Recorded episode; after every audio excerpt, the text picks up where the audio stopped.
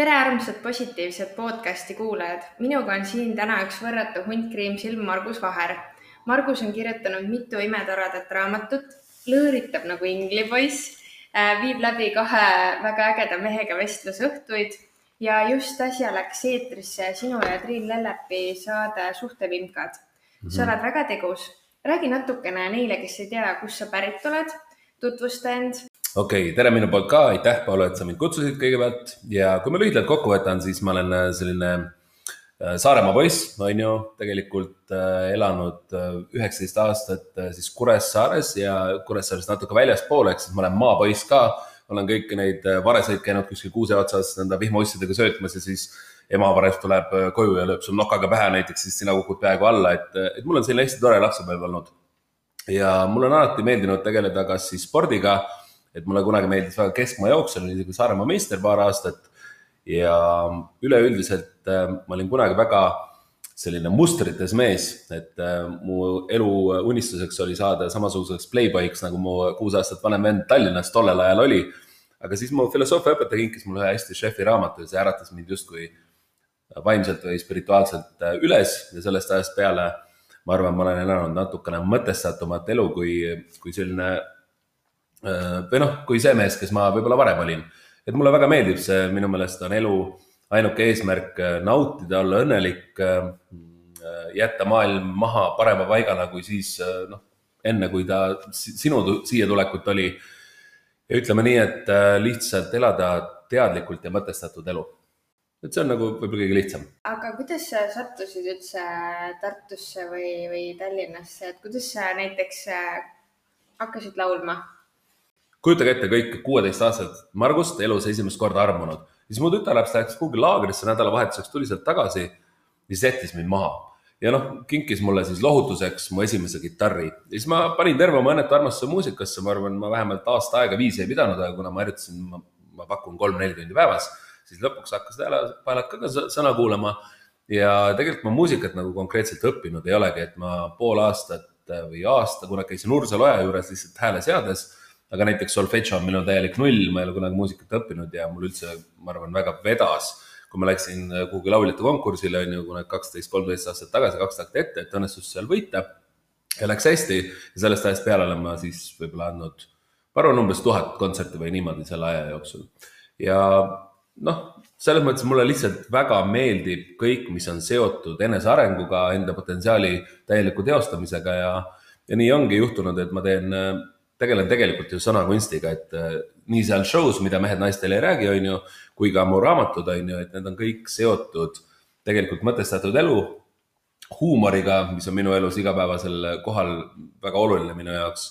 ja, ja ütleme jah, sellise sõnakunst, kõige lihtsam üldistus sa olid õiges kohas, kui vanajumal andeid jagas ja ongi õige neid kõiki andeid rakendada ja näidata ka teistele nojah, selles mõttes, et eks mina teen seda loomulikult enda pärast, on ju, et mulle lihtsalt, mulle noh, ütleme nii, ma toon sulle ühe näite veel, et ma käisin kunagi USA-s raamatuid müümas, tead nagu paljud tudengid mm -hmm. seal raamatuid ukselt uksele.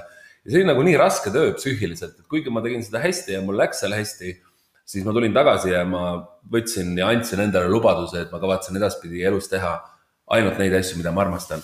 et, et siis minust ei olegi tulnud sellist äh, konksus ninaga vingujat, kes lihtsalt äh, kuskilt sappi pritsib, äh, on kibestunud ja küüniline, et äh, kui noh, minu meelest väga mehelik omadus on see, et kui sa ei vingu, vaid, vaid äh, teed, võtad midagi ette, et little less conversation, more action yeah.. aga kuidas te teed kokku viisid Jesperi ja Eeroga? Te olete päris mitu show'd välja andnud. sada viiskümmend show'd oleme teinud ja siis kaks osa on ju, et mida mehed tegelikult tahavad ja mida mehed naistele ei räägi ja kuidas nagu alati, vaata vahel inimestele kaugelt tundub, kui nad ei tea, nemad näevad ainult seda jäämäe veepealset osa, et kõik on nii lahe, tegime show, kohe hakkas minema, nüüd kütame, on ju. tegelikult enne seda me tegime ühe viietunnise sellise maraton seminari, kus oli siis lisaks meile olid ka neli naist. aga see tegelikult, me tegime seda kaks korda, Tule minuga voodisse oli selle nimi, selle seminari nimi, aga see kuidagi nagu äh, oli liiga pikk ja lohisev ja äh, ja kuidagi ei õnnestunud meil nii hästi, kui me oleks tahtnud, et kuigi inimesi tuli ja kõik oli vahva, aga tagasisidelehed olid kõik siuksed, et, et kuulge, et äh, tore oli, aga et veits igav, et mehed, aga tehke oma show, et te olite väga lahedad. ja siis võtsimegi soovitust kuulda, alati tuleb kuulda tagasisidet ka, et konstruktiivne kriitika on minu meelest väga hea edasiviiv jõud ma olen mõlemat vestlusõhtut käinud vaatamas ja ma jäin väga rahule, ma käisin ühte mitu aastat tagasi vaatamas ja nüüd käisin eile ERMis mm -hmm. ja väga lahe on. Et sinu, sind ei häiri nagu naisena sellised üle noh, võllinaljad või selline võllahuumor või nii? Äh, see on pigem sihuke aus mehelikkus, ma arvan, et see mm. on mm. okei okay,, et mida me ikka peidame, et see on natuke tuleb kapist välja. ma arvan, et seda poliitilist korrektsust nagu, ja diplomaatiat on nagu liiga palju, et kui kõik oleksid sellised Jüri Ratase vastuse kalkulaatorid ja lükkaksid vastuseid, mis oleks poliitiliselt korrektsed, siis oleks elu ikka jube igav. just. Aga ma pean tunnistama, et ma võtsin üleeile alles kätte sinu uue raamatu, kuna sa välja andsid selle?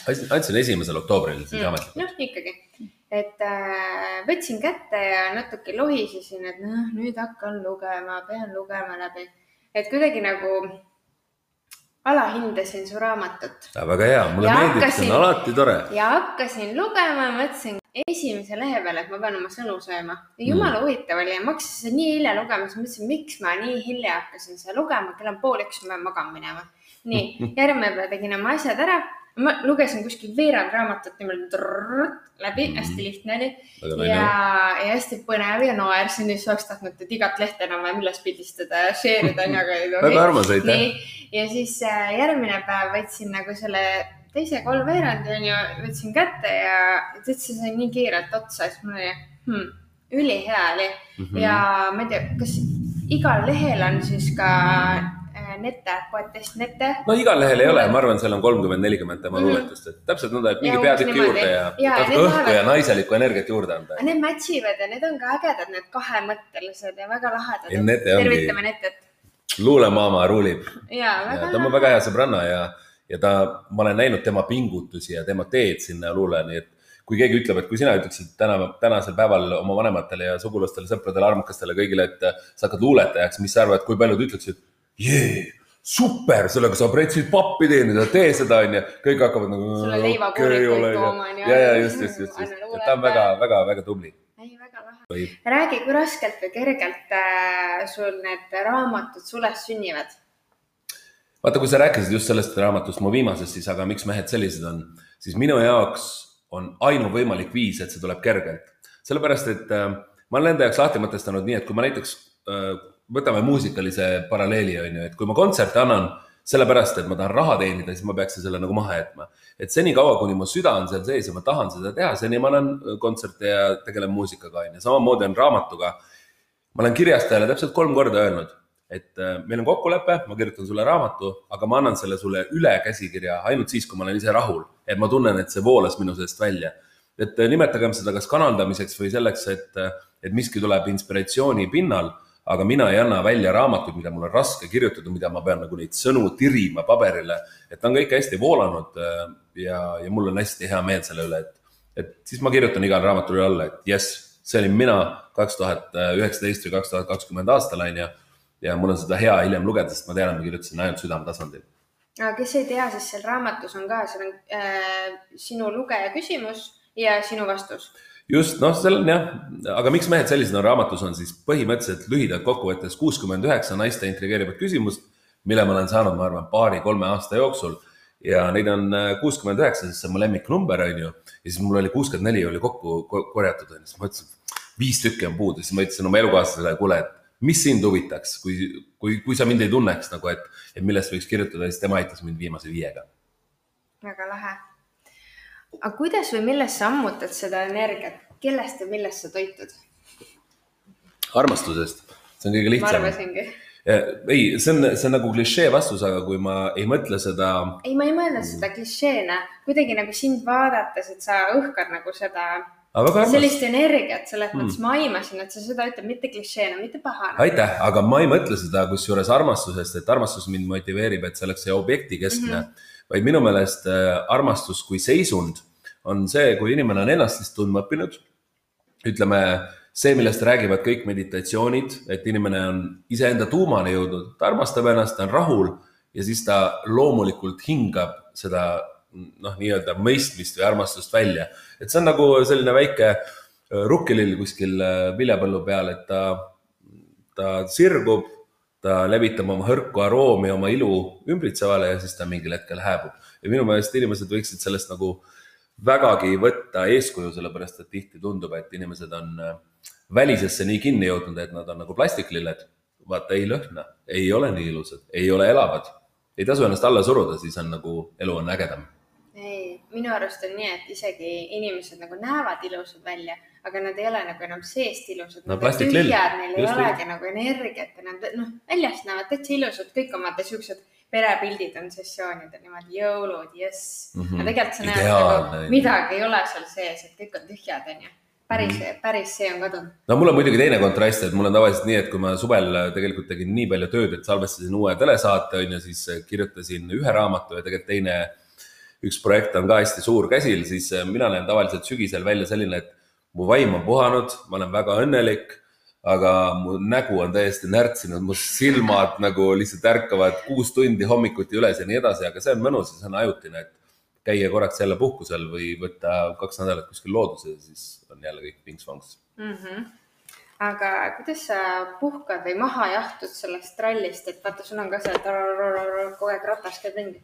Ja esiteks ma tahan öelda seda, et mu ratas ei käi kogu aeg ringi, sellepärast et äh, kuigi ma jõuan palju, siis tegelikult mu graafik on suhteliselt vaba, ehk siis mulle meeldib, ma võin vahel teha nii, et kaks nädalat järjest ma panen kaheteist, kolmeteist, neljateist tunniseid päevi, aga see ei ole minu jaoks töö, sest ma nagu, see on looming, on ju, ma mm, -hmm. ma kirjutan raamatut, teen väga äh, innustunult oma telesaadet või midagi, aga ülejäänud äh, noh, kaks nädalat ma võib-olla loen raamatuid kolm päeva võtan vabaks, mängin piljardit iga päev neli-viis tundi, on ju, et ennast maha laadida. keskendun sellele ühele kuulile, on ju, siis löön, mõtlen, et miks see mööda läks, on ju, ja, ja nii edasi, et. ja ütleme nii, et mulle endiselt meeldib väga muusikat kuulata, teha sõpradega hästi palju pulli, oma elukaaslasega ka, ma arvan, et me paneme üksteisest kõige rohkem puid alla, nagu a la sellised naljad nagu, et kui ta hommikul üles ärkab, et kuule, pööra selg, sa näed ilusam välja. ja siis tema paneb mulle midagi vastu, et see mulle nii meeldib, selline eluterve sarkasm, huumor ja ei lase elu nagu liiga tõsiselt võtta. kuidagi kihvtilt ja kerge energiaga. mm. -hmm. see nagu vabastab, vaata, et raputab maha kõik. nii ongi äh,. mul on sulle selline küsimus, mida ma ei ole vist kunagi kellegi küsinud niimoodi. nonii, kus sa näed ennast kahekümne aasta pärast, sest see on, tegelikult on see üsna raske küsimus, sest mm. -hmm. elu on nagu nii sihuke tempokas ja muutuv ja voogav ja ma ei oskaks võib-olla ise sellele vastata, ma enam-vähem tean, aga, aga see on sihuke põnev. vaata, mis kahekümne aasta pärast, kus sa oled. ma tean, et ma olen elusse endiselt armunud. ma tean, et ma tegelen sellega, mida ma armastan. ma arvan, et äh, kuigi see ei ole mu jaoks kunagi eesmärk omaette olnud äh, nii-öelda finantsiline selline vabadus, siis tegelikult ta mul sisemuses on, et, et kui ma olen viiskümmend või kuuskümmend või seitsekümmend, siis ma tahan lihtsalt pullida maailmareisidel nagu ringi vurada. et, et oma esimesed, esimesed sellised passiivse sissetuleku allikad võib-olla tekitada, mis on nagu noh, märkimisväärsed, mitte lihtsalt, et kuskilt autoriühingust laulude eest kukub sulle, ma ei tea, sada eurot kuus on ju. et midagi sellist ägedamat. ja ma loodan, et mul on hästi palju lapselapsi, sest mu poeg saab kohe seitsmeteistaastaseks, ma aru, et, et siis saan temale ka, ma mäletan, kui tore oli see, kui vanavanemad võtsid enda nagu hoolitseda nädalavahetuseks ja siis noored said, meie noored armunud on ju mu eksiga, kui me olime koos, saime nagu lustida, et siis ma loodan, et ma saan sedasama enda pojale kunagi pakkuda. ma küsin ära kohe Maruga seoses ühe mm, küsimuse, mille Mhm. on esitanud üks äh, meie jälgija. Äh, kuulaja sooviks Marust kuulda, et äh, palju te saate koos aega veeta, kui saate üldse, kui elate eri riikides ja nii edasi.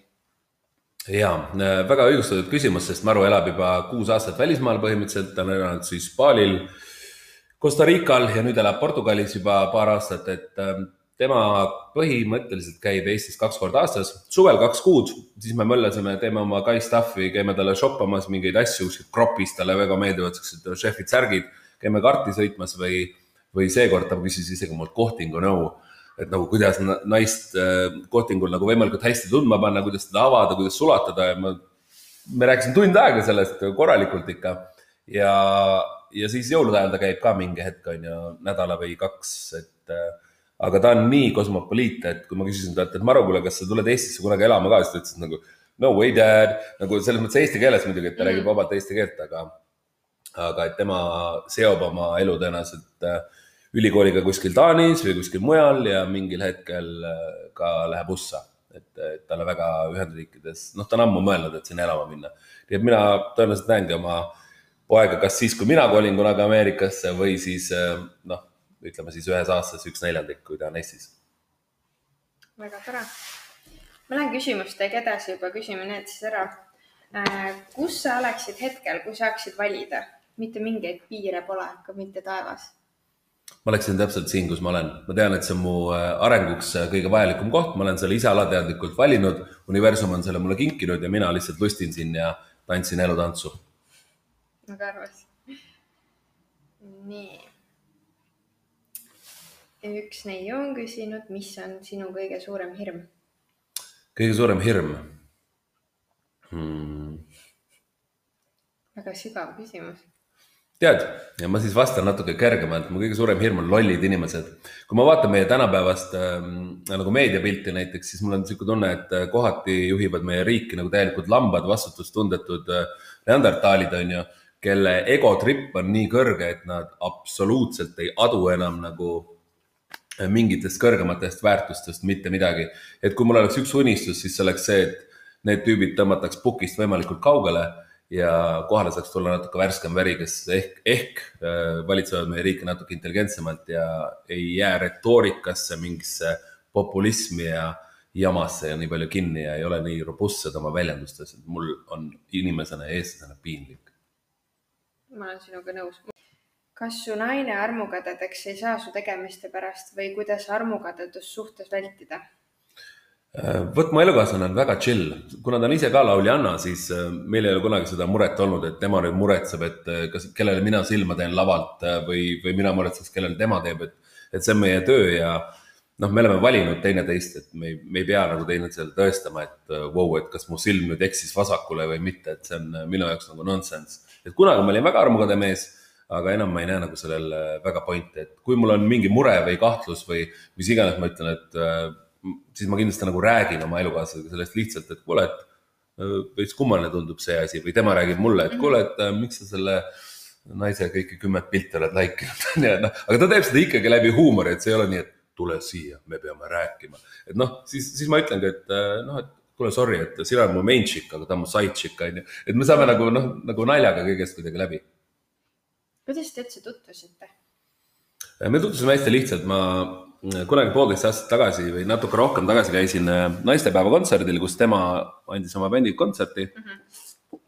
kinkisin oma esimese raamatu talle Tee mehe südamesse, ütlesin, et aitäh sulle elamuse eest ja kingin sulle midagi enda poolt ka. ja siis äh, ta kolm-neli kuud ei kuulnud mu tast kippu ja kõppu, siis ta saatis mulle kuskilt Horvaatiast puhkuselt äh, pildi, kuidas ta ilusate pruunide jalgade peal oli see minu raamat avatud, onju, ja siis hakkasime suhtlema, siis kui ta nädala aja pärast sealt Horvaatiast ta lihtsalt tagasi tuli, siis me saime juba kokku ja läksime koos Rammsteini kontserdile ja, ja siis sealt äh, sai meie selline leek alguse. väga lahe mm. -hmm. Pole paha. räägi mõni oma lemmikseik äh, teie vestlusõhtust, mis on sulle nagu meelde jäänud eriliselt?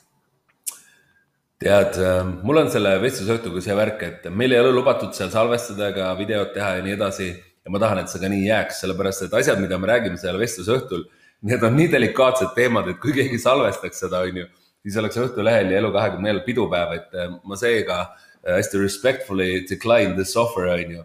et, et ma ei räägiks sealt ühtegi lugu, sellepärast et nad on nii, nii avameelsed, kohati nii äh, robustsed ja, ja ausad, et, et need ei kannata, ma arvan, sinu eetrit, su mikker läheb rikki või midagi okei okay., aitäh sulle, Margus, selle toreda intervjuu eest. sa oled ülikiire vastaja, ma arvasin, et meil läheb tund aega, aga mm. sul ikka see, sul see loome tuleb ja jookseb väga hästi. aitäh, aitäh, aitäh kutsumast. tšau. tšau.